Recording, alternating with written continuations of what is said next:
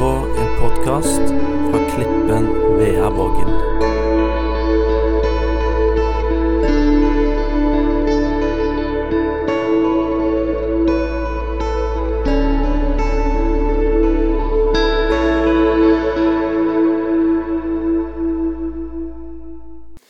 Men jeg har kalt eh, talen i dag da, 'velsigna som eh, Jakob'. Beklager til de som mener det skal uttales Jakob. Men jeg er vokst opp med Jakob, så det får dere tåle. Eh, og dette delte jeg noen tanker om når vi hadde julefest for de eldre i menigheten. Og når ingen da verken buer eller hiver marsipankaker på meg, så tenker jeg at da kan vi trygt jobbe videre med de tankene der. Eh, og så håper jeg at jeg får fram ja, de poengene som jeg har hatt, eller de tankene som jeg har hatt rundt det vi skal gjennomgå i dag. Jeg tenker Det kan være en tale til alle de som har kamper i livet. Eh, de som kanskje ikke helt finner hvile i hvem de er, eller hvor de er. Eh, og så er det jo en tale om velsignelse. Jeg vil bare be før vi går i gang. Kjære Jesus, eh, takker deg for ditt ord. Takker deg for at vi kan finne næring i det hver dag. Det er like kraftfullt i dag som det var for 2000 år siden og for 3000 år siden. Eh, Jeg ber om at du velsigner de ordene som kommer ut fra min munn i dag, og at det kan få so eh, spire og gro i hjertene våre. Så takker jeg deg for din velsignelse over våre liv, over vår menighet. Og vi vil fortsette å be om at du velsigner oss alle og enhver. Amen. Simen, du starta med å lese et kapittel i Bibelen. Det skal nesten òg, og det er ikke et kort kapittel, så det er bare å spenne seg fast. Og vi skal til andre, nei, unnskyld, første Mosebok, kapittel 32. Første Mosebok, kapittel 32. Og Det er 32 vers, men vi skal kutte et par. Eh, Vi begynner på vers 7. Da ble Jakob grepet av redsel og angst. Han delte folket som var med ham, og småfe, storfe og kamelene, i to leirer. For han tenkte om Esau kommer over den ene leiren og angriper den, kan de som er i den andre leiren, slippe unna. Så ba Jakob. Du er min far Abrahams Gud, du er min far Isaks Gud.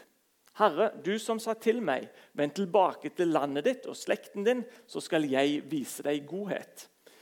Jeg er ikke verdig all den miskunn og troskap som du har vist din tjener. For med bare staven min gikk jeg over Jordan, og nå har jeg to leirer.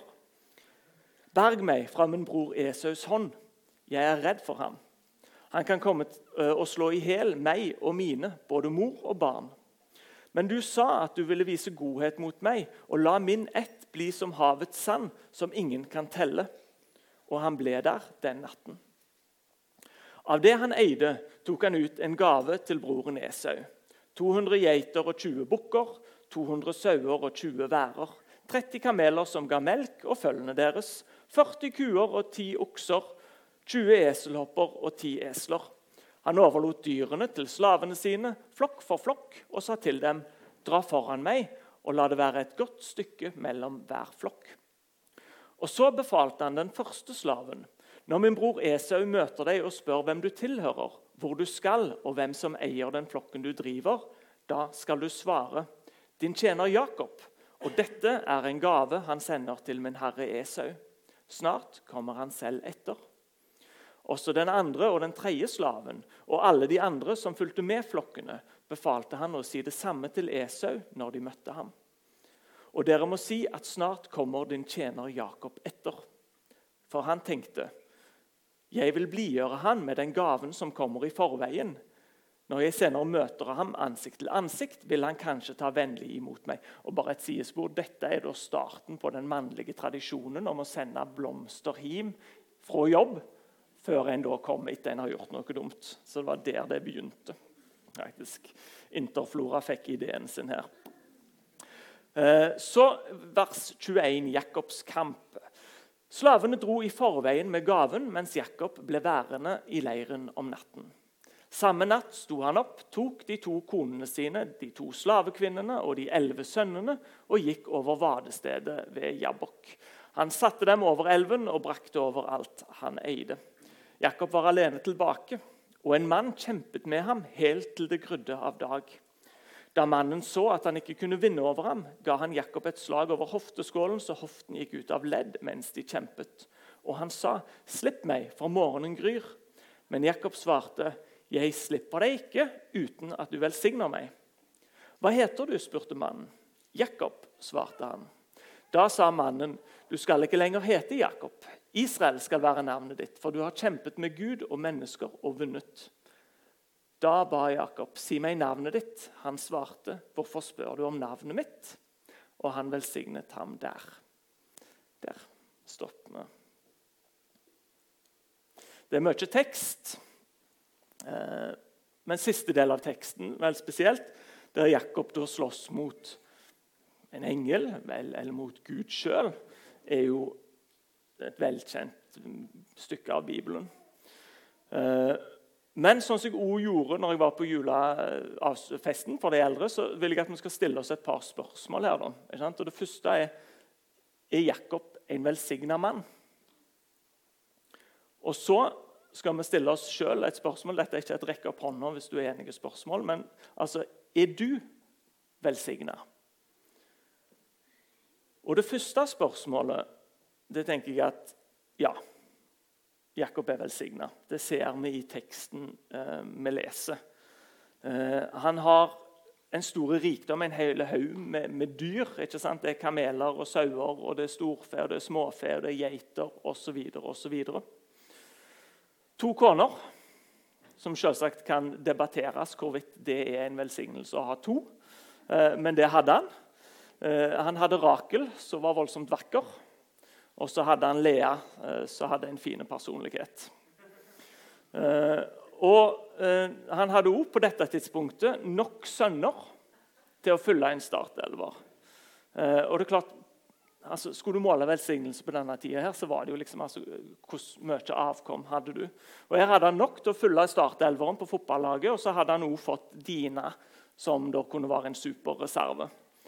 Eh, Benjamin var ikke født ennå på dette tidspunktet. Det var liksom at Josef var født, så på en måte var en bidragsyter til at han nå tok og var på vei hjem. Uh, men han sier det sjøl òg, Jakob. ikke sant? Altså, han, kom egentlig fra å ha ingenting. Han hadde kun staven sin når han da kryssa Jordan på vei til onkelen sin Laban for å bo der. Nå har han en overflod av rikdom. Han har to leirer. Men selv om han er rikelig velsigna og har kjempemye jordisk gods, så betyr ikke det at han hadde et liv uten sorg og bekymring. Eh, han hadde fortsatt kamper i livet sitt, Jakob mørke skyer som hang over horisonten, selv om han var velsigna. Og akkurat her så er det jo tvillingbroren hans Esau da, som er på en måte trusselen eller eh, den kampen han er på vei inn i. Og Historien om Esau og Jakob er det nok mange her som husker fra søndagsskolen. ikke sant, Med flanellografen osv. Der Esau er jo denne barske, eh, ofte hårete mannen med store muskler og en, en god jeger. Og så blir Jakob framstilt som mjukere. Han likte seg best hjemme. Han, han drepte ikke dyret, men han kokte det etterpå og lagde ei god kjøttgryte. ikke sant? Og så er Dette en, en, en, familiehistorie så jeg tenker kunne vært pensum for alle som jobber i barnevernet. Og Det gjør jo etter hvert en skrekkelig stor andel av denne menigheten. faktisk. Eh, jeg vet ikke om det er en del av en plan. At Er det sånn Klippen skal bli den største menigheten på øyene? Vi skal bare, nei, vi skal ikke dra den for langt. Men det, det, av en eller annen grunn så er barnevernet blitt den nye kristne jobben. og det, ja, Vi trenger dere. Gud velsigne dere i arbeidet dere står i, folkens. Virkelig. Eh, men, men, poenget mitt her sant, er at du har en familie der faren helt klart foretrekker Esau. Eh, mens mammen Rebekka har Jakob som sin favoritt. Og Dette tenker jeg er noe som mange familier og i dag opplever. ikke sant? Altså, at det er en favorisering av noen av ungene. ubevisst eller bevisst, altså det er ikke så godt å si, men så, så lager det spor. Eller sånn som i denne historien, der du får et arveoppgjør. Og det har en merkelig tendens til å sprenge de mest velfungerende familier. Det er klart, I, i dette tilfellet, når, når, Jakob på en måte først skal du si, lurer til seg førstefødretten, eh, og så lurer han definitivt til seg farens velsignelse, det knuser jo denne familien på sett og vis. Det fører til at en bror legger en annen bror for hat. Eh, og midt oppi alt altså Det som blir så tosje, så trist, er det at Jakob han lærer tydeligvis ikke av sin egen oppvekst. For når han sjøl blir far, så utpeker han jo så tydelig en favorittsønn. Så igjen utløser en ny tragedie, der brødrene selger Josef til slavehandlerne, sånn at han havner i Egypt kunne vært en sånn pensum egentlig for alle som vurderer å få unger. Les denne historien først. Litt sånne tips om hvordan du kanskje ikke skal gjøre det. Men hvis vi går videre da, eh, i historien, så er det sånn at Jakob han er jo voldsomt ambisiøs. Hele tida virker det så på jakt etter mer. Eh, kanskje litt misfornøyd med den posisjonen han befinner seg i. Eh, allerede fra fødselen av. ikke sant? Altså Tvillingfødsel. Esau kommer først. Jakob henger etter i hælen. Allerede der, så Det er jo der navnet kommer fra. Altså Den som henger i hælen. Jeg vil være først. Jeg, du skulle ikke vinne dette løpet her, Esau. Et vanvittig konkurranseinstinkt. Tenk deg de påskeferiene på hytta, hvor ludobrett og brikker har gått vegg imellom det, det, har vært er ikke sant, Bestefar Abraham bare rister på hodet. Hva er det som foregår? Eh, men for meg, da, ikke sant, som jo er en ekstremt dårlig taper, med lav grad av barskhet og lite kroppshår, så, så, holdt jo jeg alltid med Jakob på, på søndagsskolen. Jeg gjorde jo det. Jeg, jeg syns jo han var, ja, han var min favoritt. Så tipper jeg Klinkenberg. Du holdt sikkert med Esau, men det kan vi ta den etterpå.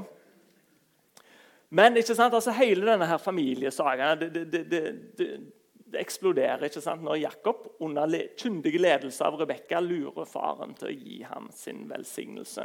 Esau sverger hevn, ikke sant, og så rømmer da Jakob til onkel Laban under det påskuddet at nå skal han finne seg ei kone. Og Der er han i 20 år.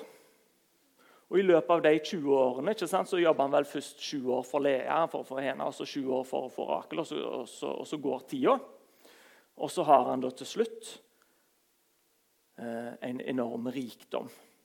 Men nå vender han altså tilbake, til tross for dette, under sterk frykt. For selv om du er velsigna, så betyr ikke det at du ikke vil ha motgang i livet. Selv om du er velsigna, betyr ikke det at du ikke vil oppleve sorg. Selv om du er velsigna, betyr ikke det at du aldri skal rammes av sykdom.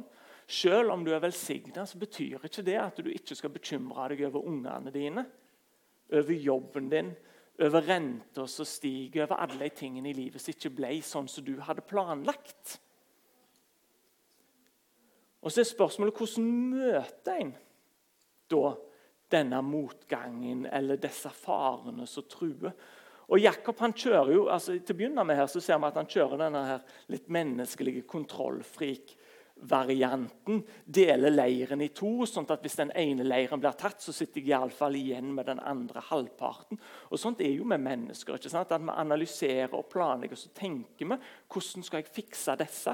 dette. Hvordan kan jeg gjøre at skaden blir minst mulig?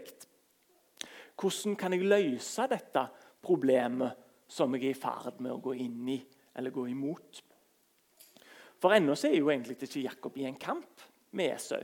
Det eneste Jakob vet, er at Esau er der framme en plass. Han har med seg 400 mann. Og så fører dette til alle disse tankebygningene som Jakob eh, begynner med. Men, men se også i vers 9 her. ikke sant? Altså, Da ber Jakob. Da vender han seg til Gud. Eh, og så eh, minner han Gud på alle løftene som Gud har gitt Jakob og hans slekt gjennom bestefaren Abraham. Eh, han sier til Gud at eh, jo, Gud, jeg er uverdig i din trofasthet. Og så ber han Gud om å fri ham fra Esaus i hånd. Det er ganske enkelt og greit altså at, at, Jakob henvender seg til Gud og ber om hjelp i den kampen han står i, eller som han er på vei inn i. Og, og, og Her òg glemmer vi ofte. ikke sant? Altså, Vi skal alltid prøve alt menneskelige metoder og løsninger. Og hvis absolutt alt feiler, først da går vi til Gud. Men jeg tenker, skulle ikke det vært nummer én? Skulle ikke det vært nummer én? For det å være en kristen kontrollfrik det, det er jo en, egentlig en stor selvmotsigelse.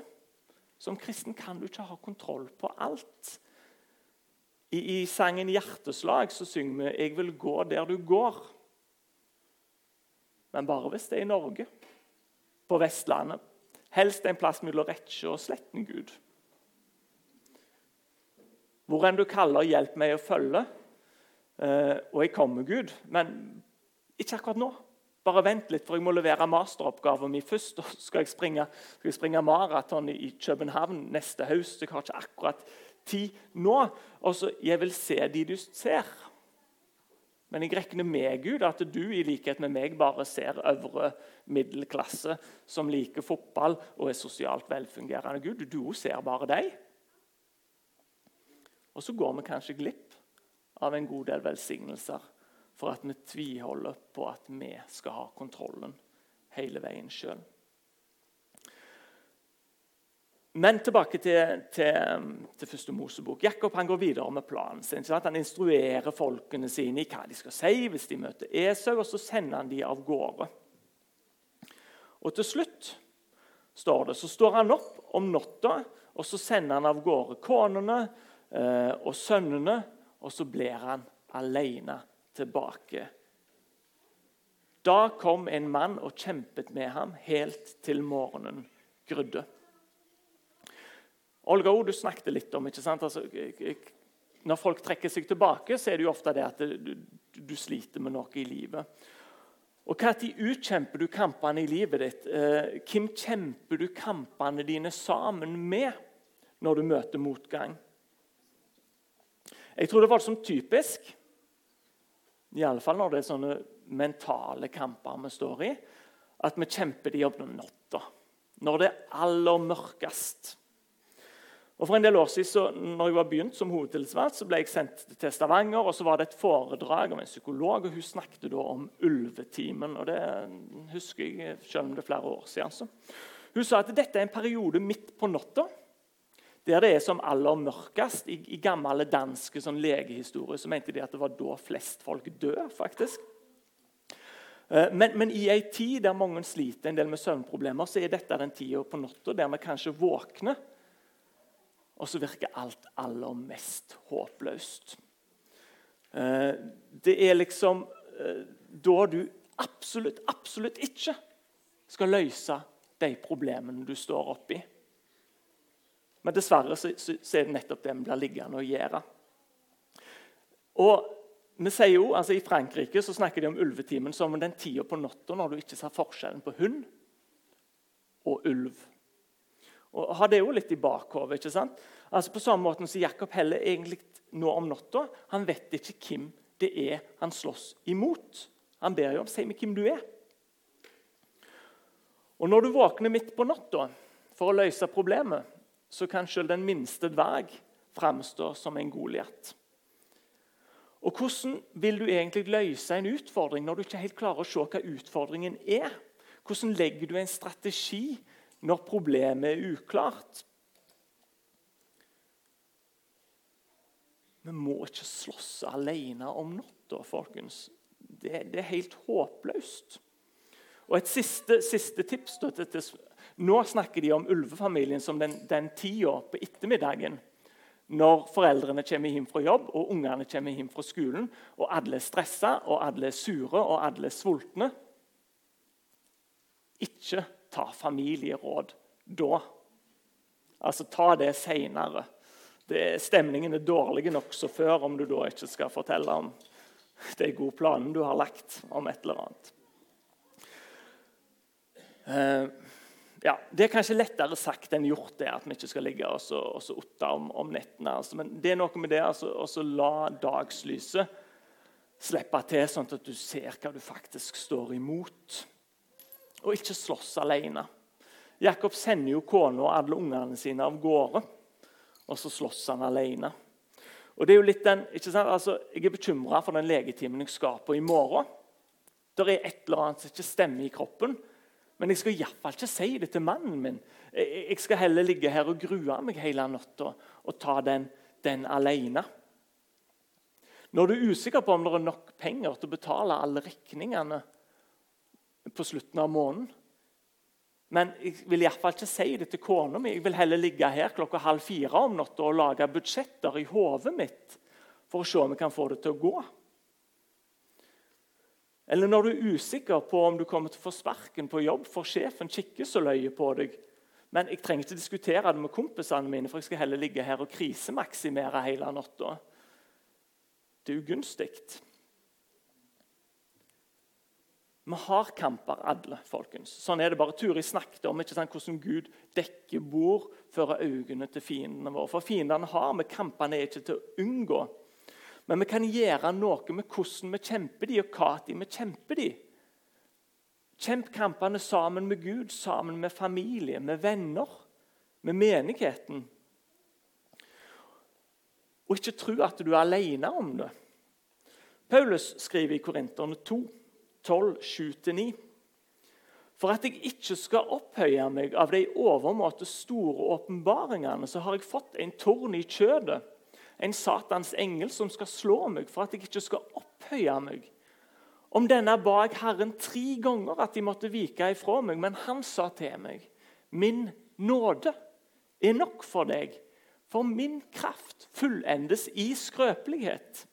Derfor vil jeg helst rose meg av min skrøpelighet, sier Paulus, for at Kristi kraft skal bo i meg. Det å ha problemer, det å kjenne seg skrøpelig, være utilstrekkelig, det er ingen skam i det. Paulus òg hadde det. Guds nåde er nok, og hans kraft vil fullendes i din skrøpelighet. Og Nå har jeg snakket i 20 minutter tror jeg, om problemer, og det var litt uheldig når du har en tale som skal handle om velsignelser. Men du sparer selvsagt det beste til slutt, naturlig nok. Tilbake til Jakob og velsignelsene hans. ikke sant? Kyr. Det irriterer meg at det står kuer. Det gjør det. Men altså kyr, kameler, sauer, sønner, ei datter og under sterk tvil altså to koner. Men til og med i en alder av 93 år, som han var her, med store rikdom. Hva spør Jakob etter? Jeg slipper deg ikke uten at du velsigner meg. Vi må aldri stoppe å be om Herrens velsignelse over livene våre. Det er liksom, I denne sammenhengen her skal du ikke være typisk norsk. Du skal ikke la janteloven prege her. Her skal det være helt greit å være litt amerikansk og summe denne måten. her, ikke sant? Mye vil ha mer. Gud, du har velsigna meg rikelig. Jeg takker deg for det. Velsign meg mer. Gud, du har velsigna klippene opp gjennom årene. Vi takker deg for det. Men velsign oss mer. For det er ikke sånn at Gud har en tilmålt mengde velsignelse, en Nugatti-boks som blir tømt. Sånn at å nei, jeg tar bare et tynt lag Nugatti, jeg, for jeg vil jo at de som kommer etter meg Nei, vet du hva? Smør nå på tjukt. Aldri stopp. Og vi kan nedbe velsignelse over jobben vår. Det er helt greit, det helt innafor det. Jeg vil gå så langt så at det er helt greit å si at du kan nedbe en velsignelse over idrettslaget ditt. Det betyr ikke at Simen kommer til å rykke opp til Eliteserien. Men det kan kanskje bety at laget til Simen er prega av Guds fred, Guds kjærlighet til hverandre, Guds oppmuntring til hverandre. Og så har jeg skrevet her at vi må lese vers 27 en gang til, for det er et hovedpoeng. 'Hva heter du?' spurte mannen. 'Jakob', svarte han.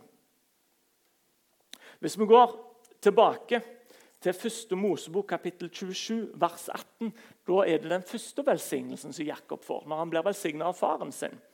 Da står det Han kom så inn til sin far og sa, 'Far.' Og han svarte, 'Ja, her er jeg. Hvem er du, min sønn?' Jakob sa til sin far, 'Jeg er Esau, din førstefødte'. Det er en enorm forskjell i det å bli velsigna av mennesker og av Gud. For når du kommer til Gud, så kan du la masker falle. Da kan du komme som du er. Da trenger du ikke late som om at du er noe annet enn den du er. For Gud vil velsigne deg. Mennesker gir deg anerkjennelse for noe, du, noe annet enn det du er. For din storhet, for din styrke, for din kløkt. Men Gud velsigner deg for din svakhet. Du trenger ikke bruke de rette klærne for å bli velsigna av Gud. Du trenger ikke henge med de rette folkene for å bli velsigna av Gud. Høre på den rette musikken eller si de tøffe tingene. Og Vi har alle gjort det opp igjennom. Vært noen andre enn de vi egentlig er, for å få anerkjennelse eller velsignelse av mennesker. Jeg vet jeg har gjort det. I min ungdom kjøpte jeg Mariah Carries Music Box-CD. Eh, en forferdelig plate. Men jeg hadde observert at når Mats Pedersen snakket om den plata med forskjellige jenter på Solstrand, så fikk han alltid så mye oppmerksomhet. Det funka ikke like godt for meg, for å si det sånn. Men bare sånn, i sånn total honesty så, så kjøpte jeg Metallica-plater senere uten at det ga meg så mye positiv oppmerksomhet fra jenter. det heller da. Men det var iallfall kjekke å høre på, så det er noe med det. Uh, men til slutt her så ser vi at Gud velsigna Jakob den natta når han ga slipp. Det er velsignelse i å holde fast på Guds løfter, men det er en velsignelse i å gi slipp, folkens. Det å gi slipp på vårt behov for å alltid ha kontroll på absolutt alt. Det å gi slipp på jakten etter å være perfekte hele tida. Det å gi slipp på hele tida å jakte på noe som er nytt, som er litt større, som er litt bedre. Det å gi slipp på ting i fortida. Om det er bitterhet for noe som ble gjort mot deg, eller om det er en smerte du føler for noe du gjorde, men du allerede har bedt om tilgivelse for. Det er å gi slipp på de planene som du har lagt sjøl, eller som kanskje foreldrene dine eller noen andre har lagt på livet ditt, så du vet at det ikke kommer til å gjøre deg lykkelige. Det å gi slipp på forhold og vaner som bare gir smerte. Kanskje gi slipp på frykten for det som ligger framfor, og heller stole på Gud. For i kapittel 33 så møter Jakob endelig Esau.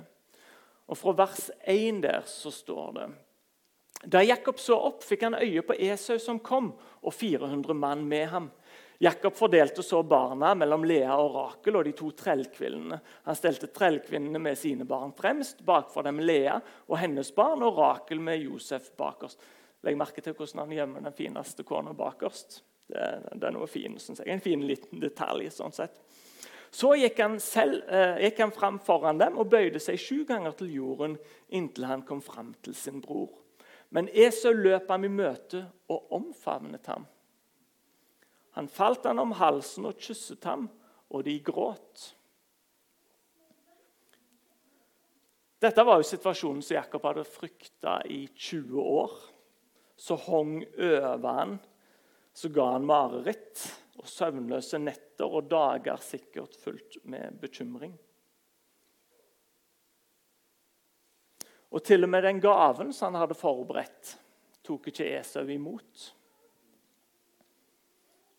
Gi slipp og stol på Gud og den velsignelsen han har planlagt over livet ditt.